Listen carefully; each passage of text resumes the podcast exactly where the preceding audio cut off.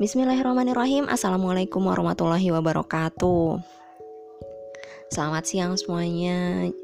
Jumpa lagi dalam podcast Voice of Ibu.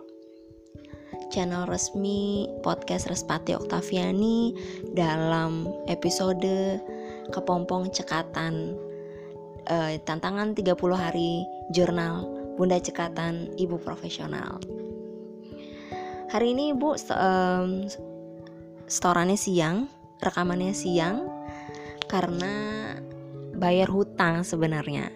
Ada tiga tiga tiga rekaman yang harus disampaikan hutang hutang-hutang sebelumnya.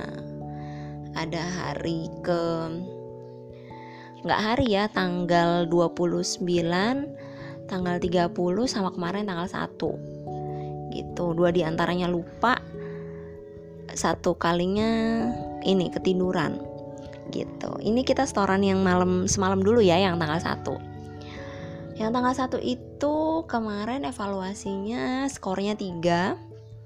Alhamdulillah karena sorenya ngaji ibu terpacu semangat untuk memperbaiki membaca Al-Quran. Walaupun belum mencapai target.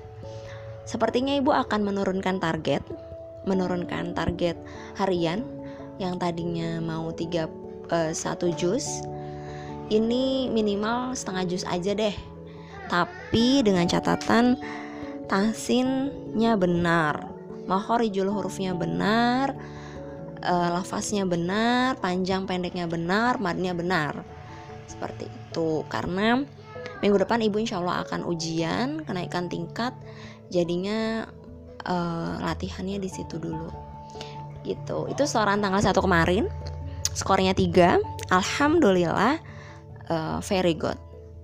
Terima kasih. Wassalamualaikum warahmatullahi wabarakatuh